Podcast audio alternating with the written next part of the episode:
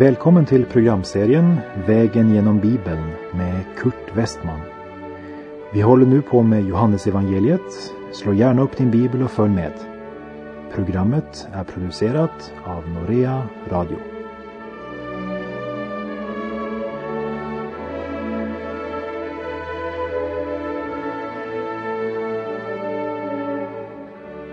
Vi avslutade förra programmet med de sista kapitlen i fjärde Mosebok. Och från fjärde Mosebok gick vi till Johannesevangeliet i det nya testamentet.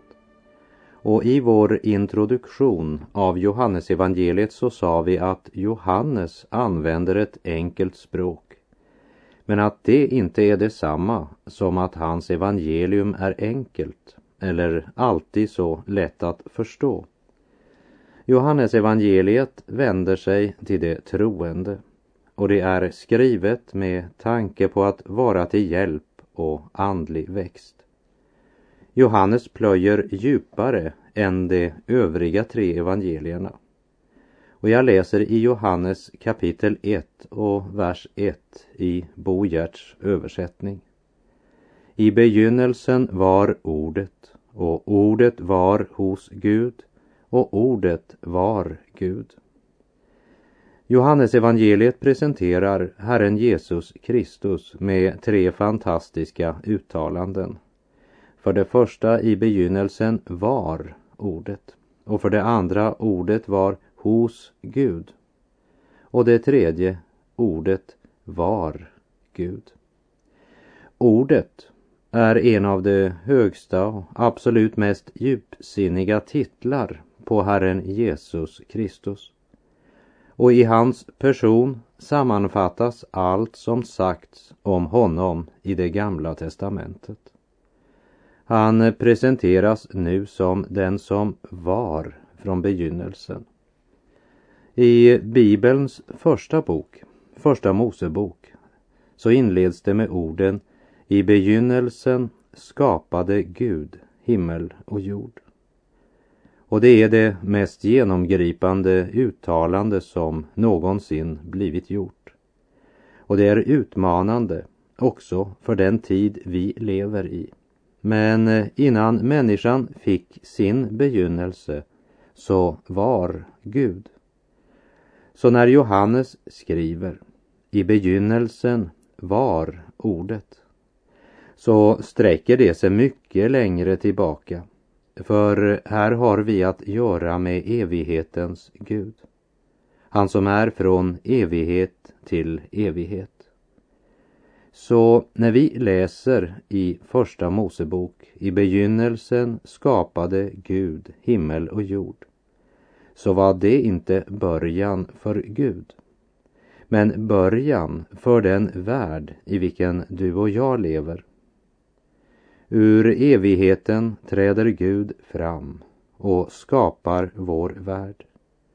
Ur evigheten träder Gud fram för att möta dig och mig. Innan Gud på den tredje skapelsedagen skapade tiden, det vill säga skapade solen och månen till att fastställa tider, dagar och år, så var det evighet och en dag ska tiden upphöra och det ska åter bli evighet. Himmel och jord ska förgå, men mina ord skall aldrig förgå, säger Jesus i Lukas 21. Då behövs inte sol eller måne för att fastsätta tiden. Som det står i Uppenbarelsebokens 21 kapitel, vers 23 och staden behövde varken sol eller måne för att få ljus, ty Guds härlighet lyser över den. Sol och måne behövs inte mer när evigheten har börjat. Eller rättare sagt, när det åter har blivit evighet. Så som det var evighet innan Gud skapade tiden. Evighet är inte lång tid, men det är det motsatta av tid. Därför talas det om tid och evighet.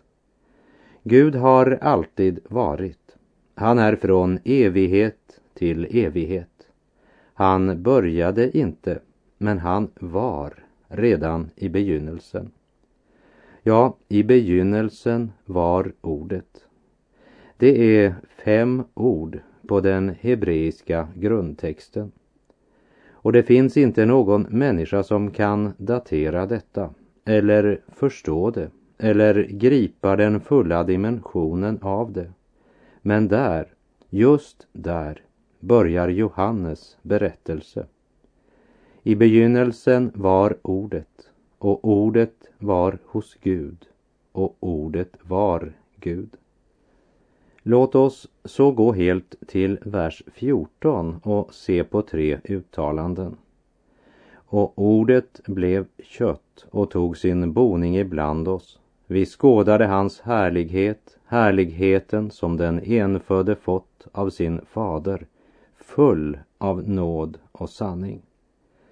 Det första, ordet blev kött och för det andra, ordet tog sin boning ibland oss. Och för det tredje, han var full av nåd och sanning. En grekisk filosof kunde möjligen ha blivit med oss på vår vandring genom vers 1. Men här hade han lämnat oss. Han skulle aldrig vara enig i att ordet blev kött. Och Johannes nämner inte en gång stallet i Betlehem, men han för oss rakt in i den eviga världen. Och i Johannes evangeliet kommer vi åter och åter igen att märka denna mäktiga vind ifrån evighetens värld. Det andra uttrycket, ordet, tog sin boning ibland oss. Eller vi kan säga slog upp sitt tält ibland oss. För vår mänskliga kropp är bara ett tält i vilket vi lever. I Andra Korinthierbrevet 5.1 säger Paulus Vi vet att då det tält som är vår boning rivs ner. Huset vi lever i är ett tält som kan blåsa omkull när som helst, lyftas bort i ett ögonblick. Och därför att du och jag bor i dessa små tält så tog evighetens Gud på sig en mänsklig kropp och slog upp sitt tält ibland oss. Och som Bibeln uttrycker med dessa ord och tog sin boning ibland oss. Och lägg märke till det tredje. Han var full av nåd och sanning. Han slog upp sitt tält ibland oss Ja, men han hade all sin gudomlighet med sig. Han var full av nåd och sanning. Ordet full betyder att du helt enkelt inte kunde ta emot mer. Gå nu vidare till vers 18 och se ytterligare tre uttalanden. Ingen har någonsin sett Gud. Den enfödde som själv är Gud står Faderns hjärta närmast. Han har gjort honom känd. Det första, ingen har någonsin sett Gud. Och för det andra sägs det att den enfödde, som själv är Gud, står Faderns hjärta närmast. Och för det tredje, han har gjort honom känd. Varför har ingen någonsin sett Gud? Jesus själv säger till kvinnan där vid Sykars brunn som det står om i Johannes 4. Gud är ande och det som tillber honom måste tillbe i ande och sanning. Gud är ande. Ingen har någonsin sett Gud. Men hur var det då med Guds framträdande i det gamla testamentet? Som till exempel Jakob som brottades med Gud. Vad var det han såg? Ja, låt oss gå tillbaka och läsa vad Jakob säger i Första Mosebok 32.30. Jag har sett Gud ansikte mot ansikte. Jakob säger att han såg Gud, men det han såg var Guds ängel som brottades med honom. Det var en manifestation, men han såg inte Gud, för Gud är ande. Ingen har någonsin sett Gud. Andra uttalandet i vers 18, den enfödde sonen som själv är Gud. Har du någon gång lagt märke till att eh, även om vi talar om den sanningen att Jesus var en tjänare så sprang han aldrig några ärenden för någon. Och han sa i Johannes 6.38 Ty jag har inte kommit ner från himmelen för att göra vad jag själv vill utan för att göra hans vilja som har sänt mig. Han var den enfödde sonen som själv är Gud och som står Faderns hjärta närmast. Och så det tredje uttalandet i vers 18. Han har gjort honom känd. Ingen annan har sett Gud, inte Moses eller Abraham, inte ens änglarna har sett Gud så som den enfödde sonen som själv är Gud och som står Guds hjärta närmast. Därför så kan ingen så som han vittna om Guds kärlek, om nåden och om sanningen. Och även under slöjan av sin jordiska kropp, iklädd den jordiska tälthyddan, så var ordets gudomliga härlighet synlig för den troendes blick. Och Johannes vittnar alltså om Jesus i vers 14. Vi såg hans härlighet. Men det största av allt var att denna härlighet var full av nåd och sanning. Och hur realistiska Johannes ord var när han sa vi såg. Det ser vi av första Johannes brev 1, vers 1. Det som var från begynnelsen, det vi har hört, det vi har sett med egna ögon, det våra blickar vilade på och våra händer rörde vid. Om livets ord är det vi talar. Och när Hebreerbrevet 11 talar om Abel, Enok, Noa och Abraham så står det i Hebreerbrevet 11.13. I tro dog alla dessa utan att ha fått vad de hade blivit lovade. De hade bara sett det i fjärran och hälsat det och bekänt sig vara gäster och främlingar på jorden. De eh, hade bara sett det i fjärran, men de hade lika väl sett nog för att leva och vandra på ett sätt som för världen bekände att de var gäster och främlingar på jorden. Men med egna ögon fick apostlarna se honom som är ordet, det eviga och levande, han som var, som är och som kommer.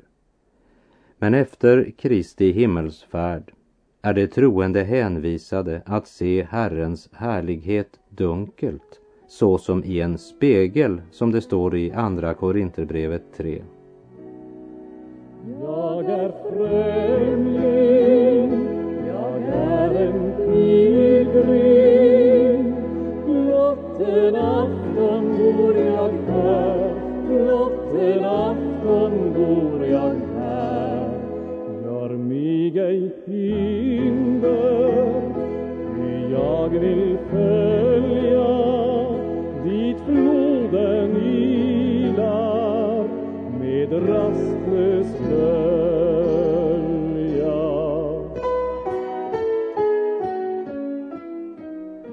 begynnelsen var ordet och ordet var hos Gud och ordet var Gud. Och ordet blev kött och tog sin boning ibland oss. Vi skådade hans härlighet härligheten som den enfödde fått av sin fader, full av nåd och sanning. ingen har någonsin sett Gud.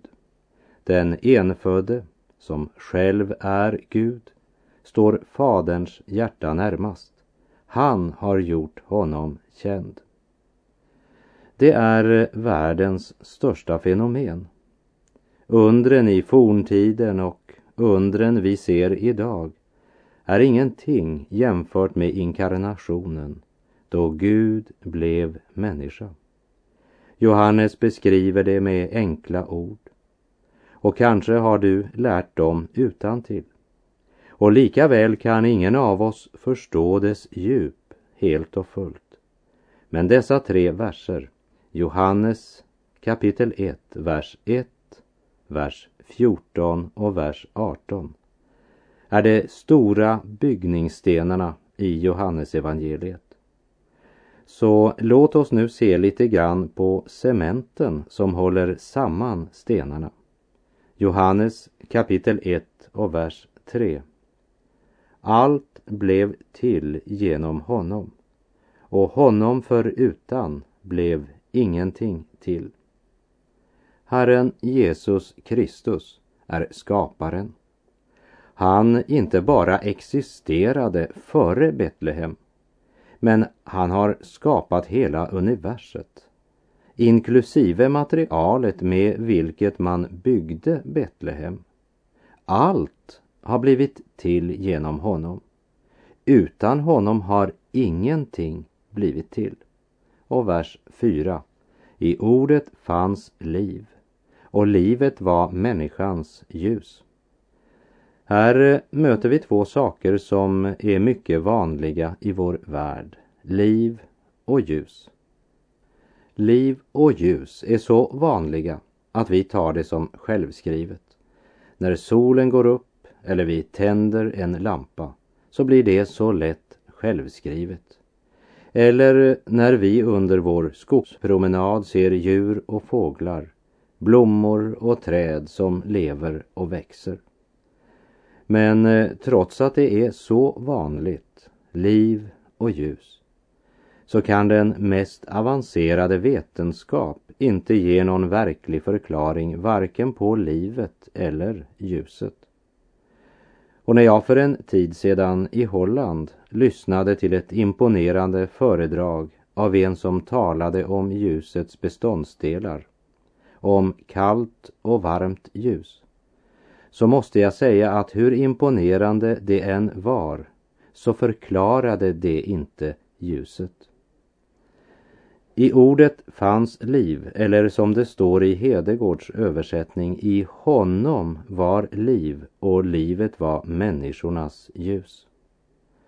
Och båda delar är ju lika riktiga, för som Johannes vittnar, ordet var Gud och ordet blev kött och tog sin boning ibland oss.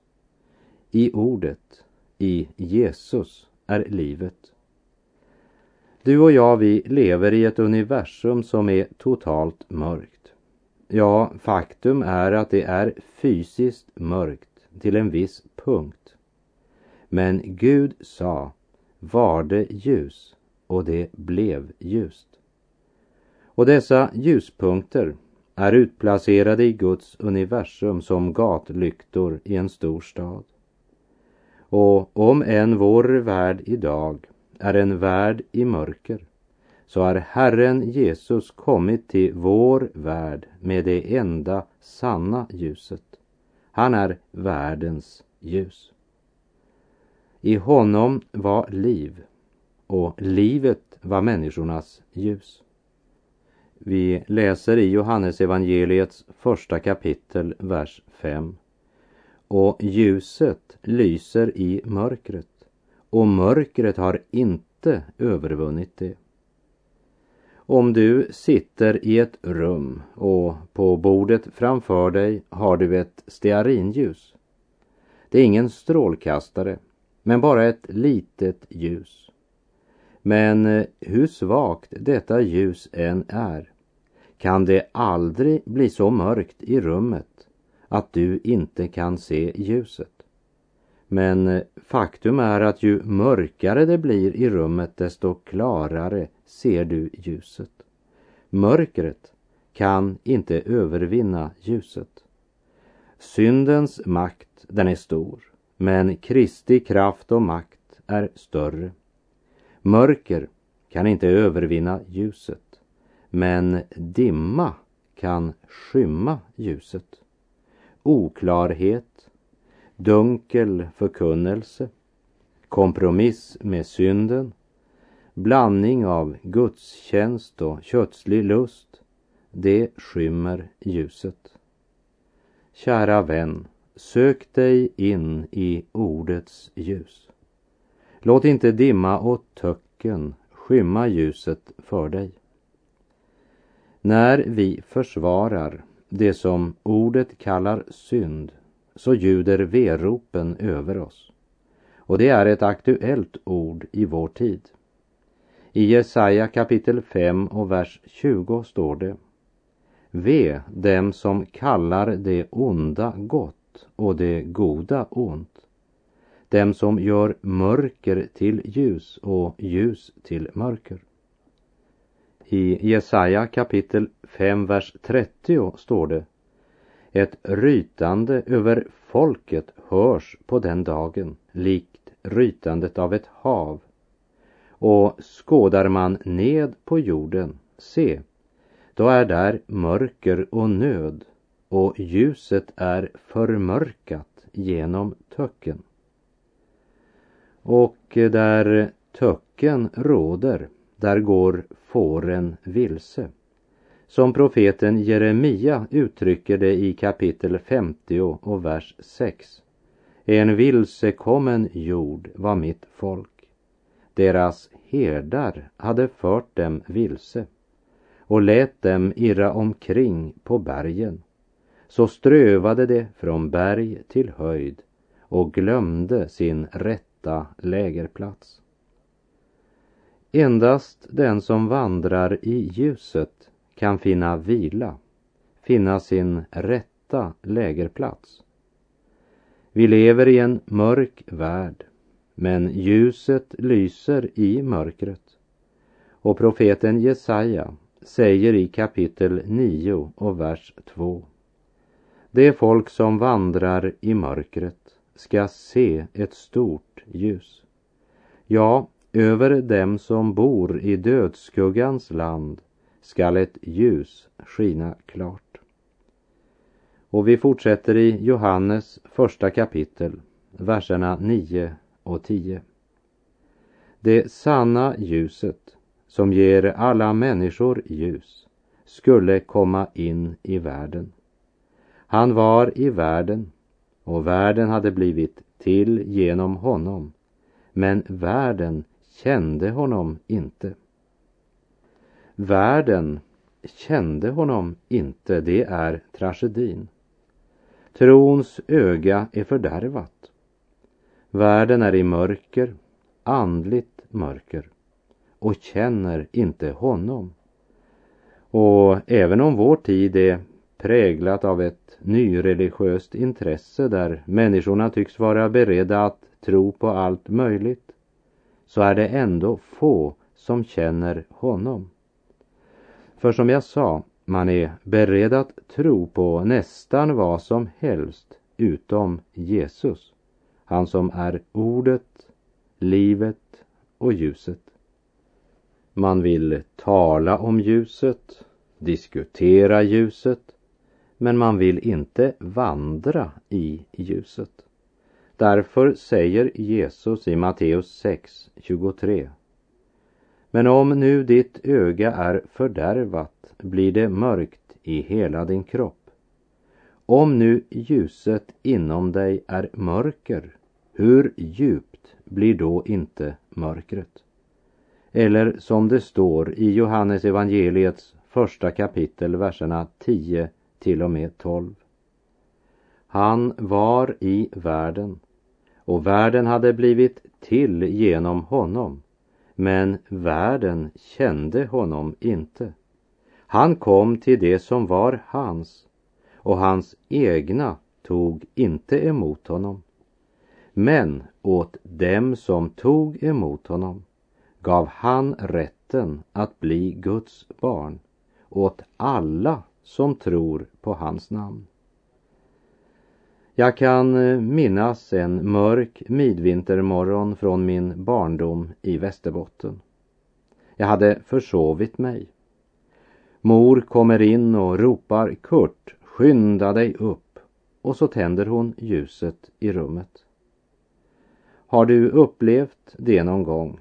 När tre 60 watts lampor tänds samtidigt i ett kolmörkt rum. Släck, ropade jag till mor. Varför? Jo, därför att jag hade varit i det mörka rummet så länge att mina ögon inte tålde ljuset. Ögonen bara rann. Det upplevdes fruktansvärt.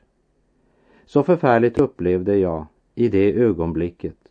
Det ljus som jag sent igår kväll satte så stort värde på. För det gjorde mitt rum ljust fast det var nattsvart ute. Men ljuset kan upplevas som outhärdligt när man levt för länge i mörkret. Jesus kom till världen, men världen kände honom inte. De upplevde honom outhärdlig. De stod inte ut med att höra hans ord som det står i Johannes 6, vers 60. Många av hans lärjungar som hörde honom tala sade det är outhärdligt det han säger. Vem står ut med att höra på honom? Men åt dem som tog emot honom gav han rätten att bli Guds barn. Åt alla som tror på hans namn. Åt alla som tror. När eh, Bibeln talar om tro så är det något mer än kunskap man har i huvudet.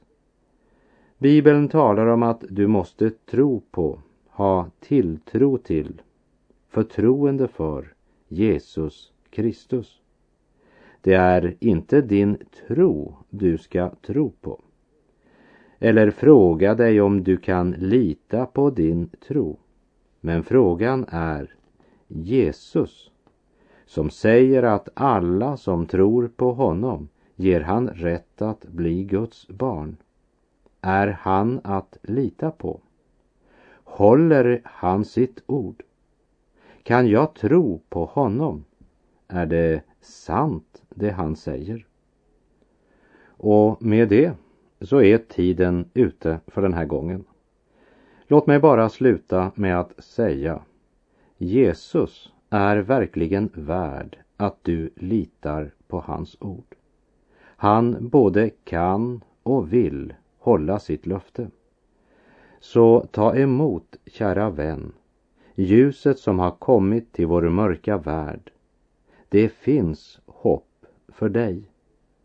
Men det är ditt ansvar att ta emot hoppet och att låta ordet bli ditt ljus. På återhörande om du vill. Herren vare med dig. Må hans välsignelse vila över dig. Gud är god.